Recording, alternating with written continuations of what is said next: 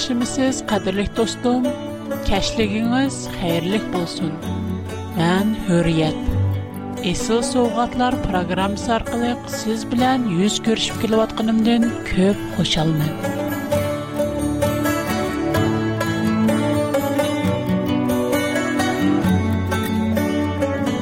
men bilan birga o'tkazgan mushu qisqagina yarim soat vaqtingizni sizning mışı bir kun içi آن اهمیت نیک و آن مهم وقت از بودشی نه امید قلم من اون مقصدم عملیات سگ شنیس کودروش پروگرام مزندم توپ نشانه فقط لا خدا نم سوزنیت گزش خدا نم خارهترینه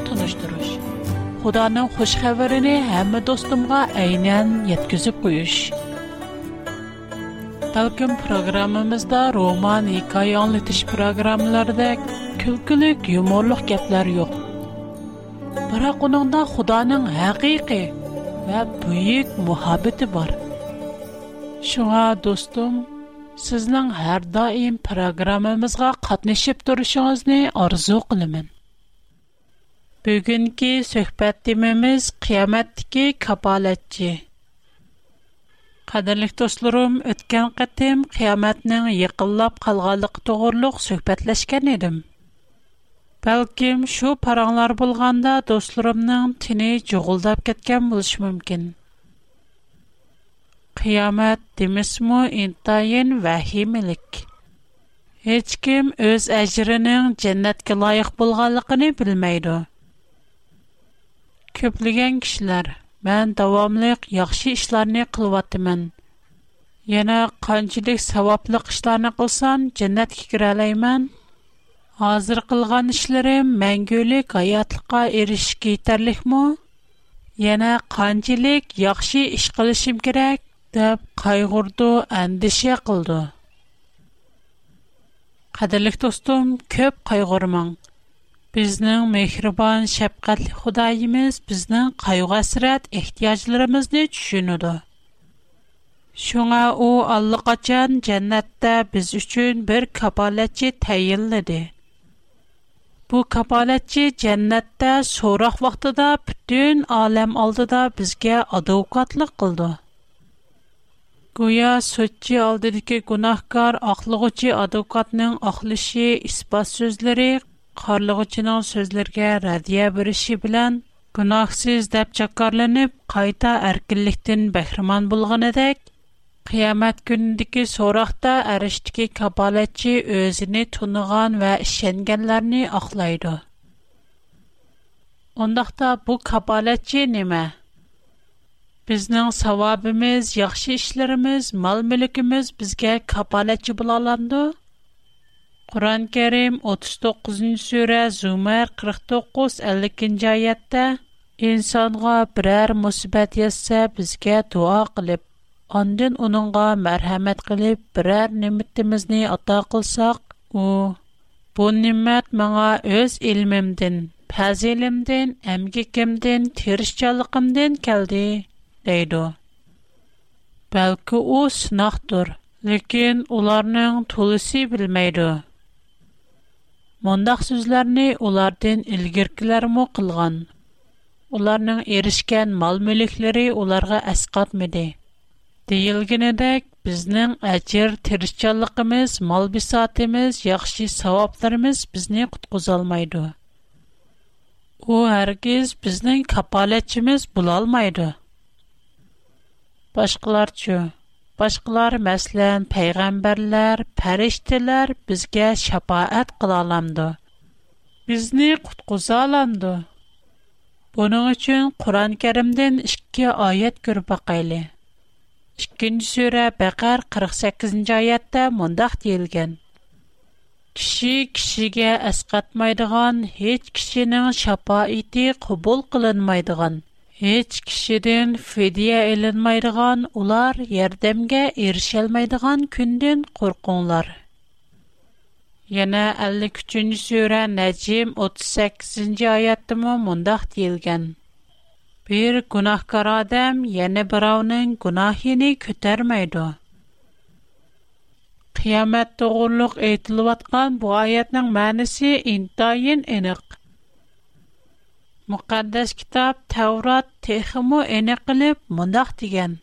Гарча Нух, Даниял, Аюб уларның арысыды болсымы, мен кереп болған пәрвердігар өземнің мәңгілікім білән қасам қилимен ке, уларнын бала чақылары хаммиси қушылып құтқызылмайды. Пақат уларнын хаққанилығы уларнын женіні құтқызыды. Mən hazır oxub ötən bu ayət Tevrat İzəkiyel kitabı 14-cü bab 20-ci ayət. Demək, Xudanın sözü buyincə hətta peyğəmbərlər mə öz ailəsini, balacaqsını qutuldura almaydı. Faqat özünün haqqaniyyəti arqılıq nicatlıqqa erişidu. Ular nə üçün başqalarına şəfaət verə almaydı? Çünki Müqəddəs kitab İncil Rimliqlərə yazılğan xətt 3-cü bab 12-ci ayətdə İnsanların hamısı günah qılıb Xuda yoludan çətinidi. Ərziməz bulub çıxdı.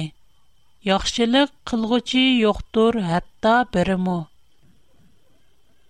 Deyilgəndək bu dünyadakı həmmə insan günahkar. Hətta peyğəmbərlər mə Әмма Худа мехрибан ва шәфкатьлек. Бүтән аламдагы мехр шәфкатьне йыгып келгәндәме Худаның инсанларга булган мухаббәте алдыда һеч нәрсәгә арзымайды.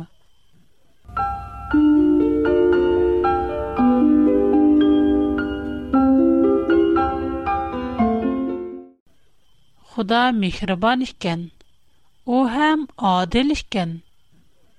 اونان بزبلن کار بولم دو، بزنی امتسلیکه ташлап کیم دو.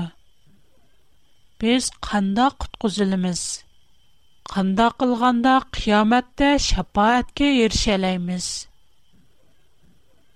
میخربان الله اوزنن مقدس سۆزلر بولغان، مقدس کتاب ارقلیق بزگه شپایت یولنی کرستی پرده. پیا Нух, Даниэл ва Аюб катарлык башка барлык пәйгамбәрләр керче Алланың сөзенә яткызгычы. Кишеләрне агахландыргыч булсымы? Улармы башкаларга охшашла бер шапаатчыга мохтаҗ. Уларның куткызылыш юлы башка барлык инсанларга охшашла фақат бер хил. Яни хаққаниятка ирешиш. haqqoniy bo'lish degan nima biz nima uchun haqqoniy bo'lishga muhtoj qandoq qilsak haqqoniyatga erishalaymiz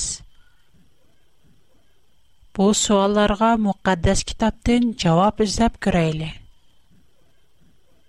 injil rimliqlarga yozilgan xat 5 bob 18 oyat Üçüncü bab 22-ci ayətdə bu sualğa intayın yaxşı cavab Бу Bu iki ayətdə mündəx deyildi.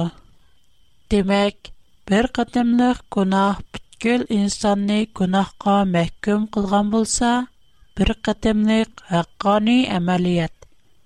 Айса Əysə Məsihinin qurban buluşu arqılıq, инсан insan əqqani dəbçəkarlənib, мәңгүйлік аятқа иришалайду. Худа адамларни айса мәсіки болған итқадар қилик хаққани адам дапча карлайду. Худа айса мәсіки шенген барлик хамма адамге шындақ муамиле қилуду. Бу ярда айрымичилик йоқтур. Шонлашқа Худаның сөзі бұйча гунахкар инсаларның. Yəni bizə oxşaş günahkar bolğan barlıq peyğəmbərlərinin qutquzuluş yolu oxşaş. Faqat birli şəfaətçi var. Heç kim Allahirə emas. Qiyamətni goya çoğ bir sotqa oxşasaq, biz insanlar aşı sotdiki əyibleniş aldıda turğan günahkar. Günahkar sotçi tərəfindən Әйіплігічінің so'zi bilan bevosita hukm chiqarilib jazolanishni күтіші kerakmi yoki advokat taklif qilib o'zini oqlashi kerakmi nima uchun bizga advokat kerak albatta соттыки har bir әйіпләнгічі advokatning o'zi uchun so'z qilishini o'zini гунахсыз deb ақлышыны, tezroq erkinlikka chiqishni umid qiladi nima uchun bizga advokat kerak degan bu masalaga kelsam qadrli do'stlarimga muqaddas kitob tavrotdin mono bir vahini tunishtirib qo'ymoqchiman zakariya payg'ambar tavrat zakariya kitobi 3 bobda babda ko'rgan vahiy vəhi toğurluq yozgan پەرشت مغا باش کاهین یاشونىڭ پروردگار خدانىڭ ئەلچیسی اولدى دا ئۈرى تۇرغانlığını كۆرسەتت. شەیتانمۇ ئۇنىڭ ئوڭ تەرپىدە تۇرۇپ، ئۇنى ئەيپلاۋاتتى. پروردگار خدا شەیتانغا مەنداخ dedi شەیتان: "پروردگار، يەنە يېروسالەمنى تۇللغان پروردگار سېنى ئەيپلايدى." Бу қоқастын үлінған бір тал көсе емес му? Яшу кір кейімлеріні кейіп, әлчі алдыда тұратты. Әлчі алдыда тізіліп тұрғаларға таплап. Сілер оның паскына кейімлеріні салдыру өттіңлар, деді. Яна Яшуға, мән сіні күнақтың қалас қылдым. Саға есіл кейімлеріні бәрдім, деді. Улар унан бешига паакиз, тажда га чрайлыг кимлярни кийдирди. Закария пейгамбар көрген вәхидики Яшу әйне чағда муқаддэс ібадатханының баш кағини булыб, Закария пейгамбар билан бири ярды яшыған пейгамбар иди. Герче, Яшу бир пейгамбар хэм баш кағин булс му, Амма у ашу вахид кир хер фаскына киемлар ичиде тургынадык, гунохкар булгачқа, шейтан уның үстеден шикаят кылган. У кигән кир киемлар уның гунохины көрстү. Шейтан булса, гунох ичиде турган бу кешине көрстүп, худа ва бүтөн алем алдыда Яшу гунохкар өлүмге лайык тап әйибледи. Шейтан оқшаш шикаят білән, біздімі оқшашла гунахкар өліш кітігішлік дәп әйіплейді. Шуңа бізге ашу вәхейді ке, яшуның гунахини халас қылып, еңі кейім, яны еңі қалып ата қылдыған, шейтанның шикаятіге рәдия бірдіған бір әлчі лазым. Фахирики, коны киім кунахк сымовыл болған болса, яңа киім кона кунахлий қаятға тувы қилип, яңа аятқа иришкен, яңа қаліпның, ақкани болғалықның сымовули. Шонлашка, мушу яңа киімге иришни халыған хам кайган кишиге, худаның алдидики ашу-альчи уныңга шапаат бұлду. اونی گناهتن اقلاید. شو سبب لی کربر сиз یعنی سیز و من بیر الچیه یعنی Худа کا محتاج.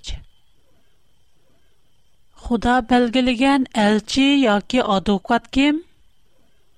پرست مو، پیغمبر مو. بولارگا 53-cü surə Nəcm 26-cı ayət Osmanlarda nurgun fərishtələr olub, onların şəfaəti heç nərsəyə əsqatmaydı, deyir. Demək, fərishtə biz üçün advokat bula almaydı. Əmdi 63-cü surə Munafiqun 5-6-cı ayətə qarab baxaylı. Nə deyir? Оларға өзірі етіп, келіңлар, рәсуллар сілерге мәғбірәт тілейді дейілсе, башларыны сілкейді. Оларының тәккәбірлі қылған алда юз өргелгіні көрсін. Мәғбірәт тәләп қылғын, мәғбірәт тәләп қылмығын бәрбір оқшаш. Алла оларға әргіз мәғбірәт қылмайды. Демек, бұ аятның мәнісімі оқшаш – peyğəmbərlərmə birər üçün şəfaətçi bulalmaydı. 53-cü surə Nəcmdə bir günahkar adam, yəni birovning günahını kütürməydi degəndək peyğəmbərmə heç kimnin günahını üstüge elib adekvatlıq qılalmaydı. Heç kimnin günahını axlayalmaydı. Hətta özünün günahını mı Ондақта ким Алла белгелеген әлчі? Бізнің адвокат. Алла кимне адвокатлыкка тәенледе? җавап Айса мәсих. Айса мәсих бізнің адвокат. Мукаддас китап Тәүрат, Забур вә Инҗил Айса мәсихнең элчи һәлкына итедер. Kur'an Karim'de Isa mesihning şefaatchi ekanligini aytib guvohlik berdi. To'g'ri bu nima bornecha isbotini ko'rib o'tayli. Muqaddas kitob Injil Timotiyga yozilgan 1-chi bob, 2-chi bob, 5-chi oyatda chunki Xudo birdir. Xudo bilan insonlarning orasidagi birdir. u bo'lsimu inson tenida dunyoga kelgan Әйса Мәсихтур deyilgan.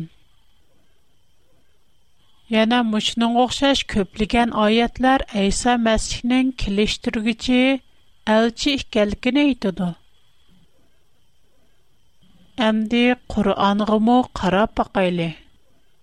20 сүре Таха 119 oyat мұндақ дейді. Бу көндә мәрхәмәтлек Алла изни бергән вә сөзедән Алла разы булган адамның шапа башка, башка һечкандак шапаат файда бермейді. Бу аятның мәнисе нимә? Бу аятта адвокат яки шапаатчы бармы? Оның шапа ите кандак? Җавап: шапаатчы бар. Onun sözü paydalıq. Kişilərə yaxşılıq qılalaydı. Onları nicatlıqqa erişdirdi.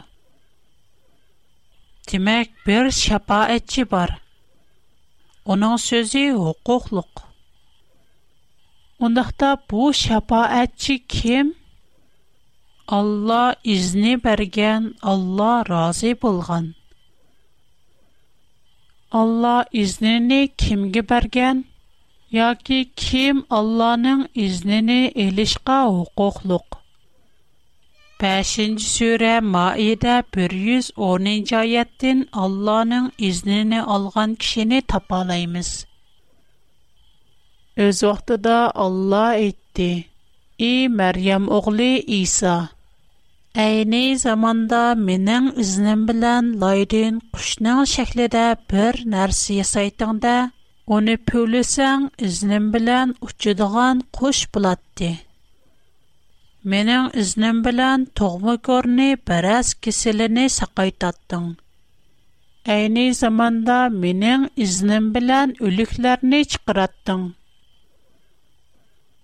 Димәк, 5-нче сүрә Маида 110-нче аятта әйтелгәнедәк, faqat Allohga xos bo'lgan, Allohning iznini olgan dal Aysodir. Bütün Qur'on bo'yicha faqat Ayso Alloh Allohning ayni bo'lgan, Allohning iznini olgan. Onundan başqa hech kim Allohning iznini olmagan.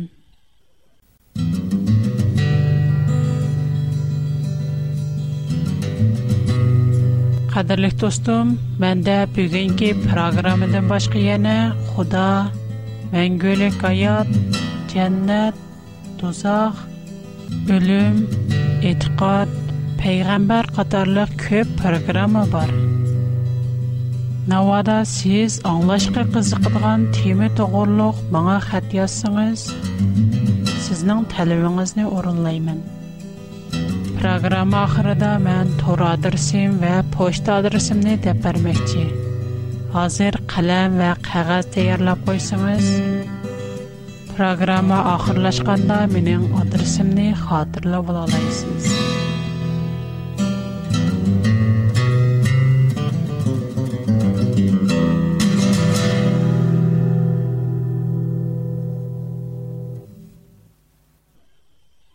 20-ci surədəkidək fəqət Allahın iznini alğan kişilər şəfaətçi bulalğan ikən şundaq hökm çıxırışqı buldu ki, fəqət Allahın iznini alğan İsa'la qiyamətdəki soraqda bizə advokat, şəfaətçi bulalaydı. 43-cü surə Zuhruf 6-cı ayədə Бу әлбәттә қиямет аламетидер. Оныңга шәк келтермәңләр дилгенедек, Әйса инсанлар сорақ татылган қиямет көне кайтып килеп, Худа ва бүткүл алам алдыда өзи курбанлык берген һәм аның курбанлыгы гышынып өзине капалатчы кылган барлык гунахкарларны ахлайды. Шэйтанның, худаның ва піткіл алэнның алды да шында қылды. Шуңа, қадирлих достум, қиямэтның ва химисидын қай қурман. Қиямэт білгім, хақиқаттан дахшатлик күн бұлшы мумкін. Мэйліу, қанчилик дахшатлик бұлсун, сиз ва мэн үшчин қана қузуп, өз әлчилигіні Әйса мәсіхтен ибарат адекватымыз бар. Шуңа достым, сізнің қанчылек саваплық іш қылсам, жәннәтке кірәлеймен дәп әнді іш қылшыңыз текіму Худа таллыған шапа әтчі, әлчі, адекат, аллықачан әріш көкі түрліп, худаның алдыда бізні ақылаватыды. Gerçi biz günah ötküzgen bolsaqmı, amma o özünün biz üçün tökken qinini bütün alemge ve şeytanğa görüstüp, bizni günahsız devatıdı. Onun aqlışı en güçlük ve en işencilik. Qanda qılsaq şapaatçini tunuyalaymiz, hem onu qubul qılalaymiz.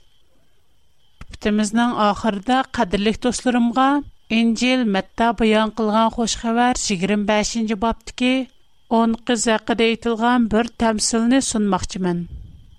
Təmsildə mundaq deyilgan: Xudanın padşahlığı çıraqlarını götürüb toyu bolğan yigitning aldığı çıqqan 10 qızğa oxşaydı.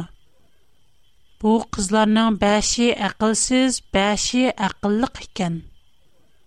Әқілсізлер чырағыларыны алған болсы мұ, еніға яғы алмапты. Әқіліқлер болса, чырағлары білән білі бір нәтчі қачыда яғы мұ үлі кечкеп кәлгәшке қызлар ұйқы бәсіп, ұқылап қапты. Ерім кечеді. Жегет кәлді, алдығы чықынлар, деген аваз аңлен Бұның білән қызларының әмісі орнадан тұрышыпты. Әқылсіз қызлар қарыса чырағылары өчіп қалай деген. Шының білән әқылсізлар әқыллы қызларға. Чырағыларымыз өчіп қалай деді. Еғыңлардың бір аз біріңлар ту. Әқыллы қызлар болса. Яғы әмімізге етмәсілікі мүмкін. این یخشی سلر دکان берип, بیاخست ولانلر دب جواب قید ربط د. لکن اقلس قزلر یاخست وال غلیکت کنده یگید کلپ قبط د. یا لغبار اقل قزلر یگید بلن برلخته توی زیابتی کربط د. شیک تقلب د. یاخست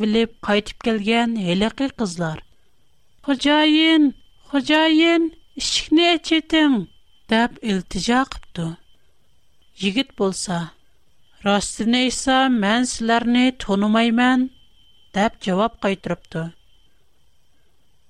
bu tamsilni ayso masih ikki ming yil burun shogirdlarga so'zlagan ham bu tamsilni so'zlab bo'lgandan keyin shuning uchun hamisha sagak bo'linglar man keladigan u kun va u soatni bilmaysizlar Бул тэмсиль вә бу саваҡ һәмәбезгә бирелгән. Тэмсилдә ки яҡ безнең итҡадэбез, әйса мәсхинең ҡурбанлыҡ булған ишәнчебез, һакҡанилығыбез вә шафаатчык булған чонҡор үмөрибез. Ҡунаһибезгә тәубә ҡылып, Худаның ҡурбанлығын ишәнсәк, бу шафаатчыğa ирешәләймбез. Navadi biz bu şafaatçini qalb dörimizgə təklif qılsaq, İncil Rimliqlərə yazılan xətt 8-ci bab 33-cü ayədən 35-ci ayətəcə kim o Xudanın tanlığan bəndələri üstüdən şikayət qılalasın? Heç kim. Çünki biz Xuda tərəfindən haqqani adam deyə çakarlanğan. Kim bizni günahqa məhkum qıla alaydı? Heç kim, çünki Isa Mesih biz günahkarlar üçin öldi. Onu üstige o terildirilip, Hudaňyň oň ýenyda hukuk tutup durup, biz üçin duat, lawet kılmakda. Gelgene de hiç kim bizniň üstimizden äris kılalmaýdy. Hatta şeytan-moş şikayet Әйса Мәсихнең безнең гунахимыз өчен төлегән бәдиле безнең гунахтан кутылышыбыз өчен етерлек. Қадірлік достым, есіңіз болсын, сізнің капалетчіңіз бар. Пәкәт сіз оны құбыл қылсыңызла, қияметті сіз үшін ешқанда қорқыныш жоқ. Әң ақырда сізге үміт вә ішенч беғішлісін. qiyomatdiki so'roqda bizga advokat bo'ladigan bizning arishdiki elchimizni texmu tunusin deb sizga bu oyatni sovg'a qilmoqchiman injil timotiyga yozilgan birinchi xat ikkinchi bob oltinchi oyat insonlarning gunohdan ozod bo'lishi uchun iso masih o'zini qurbon qilib badal to'ladi Оның бұ дүнияға ва курбан құрбан болышы Құданың бәлгіленген вақытта әмі адамны құтқызышны қалайдығалықыны іспатлыды. Қадірлік достым, келер қатым, программамызны ене зиярат қылып келешіні ұнтып қалмығайсыз. Әгер маңа қат езішіне қалысыңыз, менің тұр адырсым. Үрият at come mındaq yazıldı. H U R I Y E T çember içinde A B I G F O O T çikit C O M mana bu mening to'ra adresim من خطا در سیم اي دبليو ار پ او باکس 310 منان خازيشا خطا در سیم چنگایو ژون ژونجيه شي샹 خوش خدا خدا سيزني امان قسون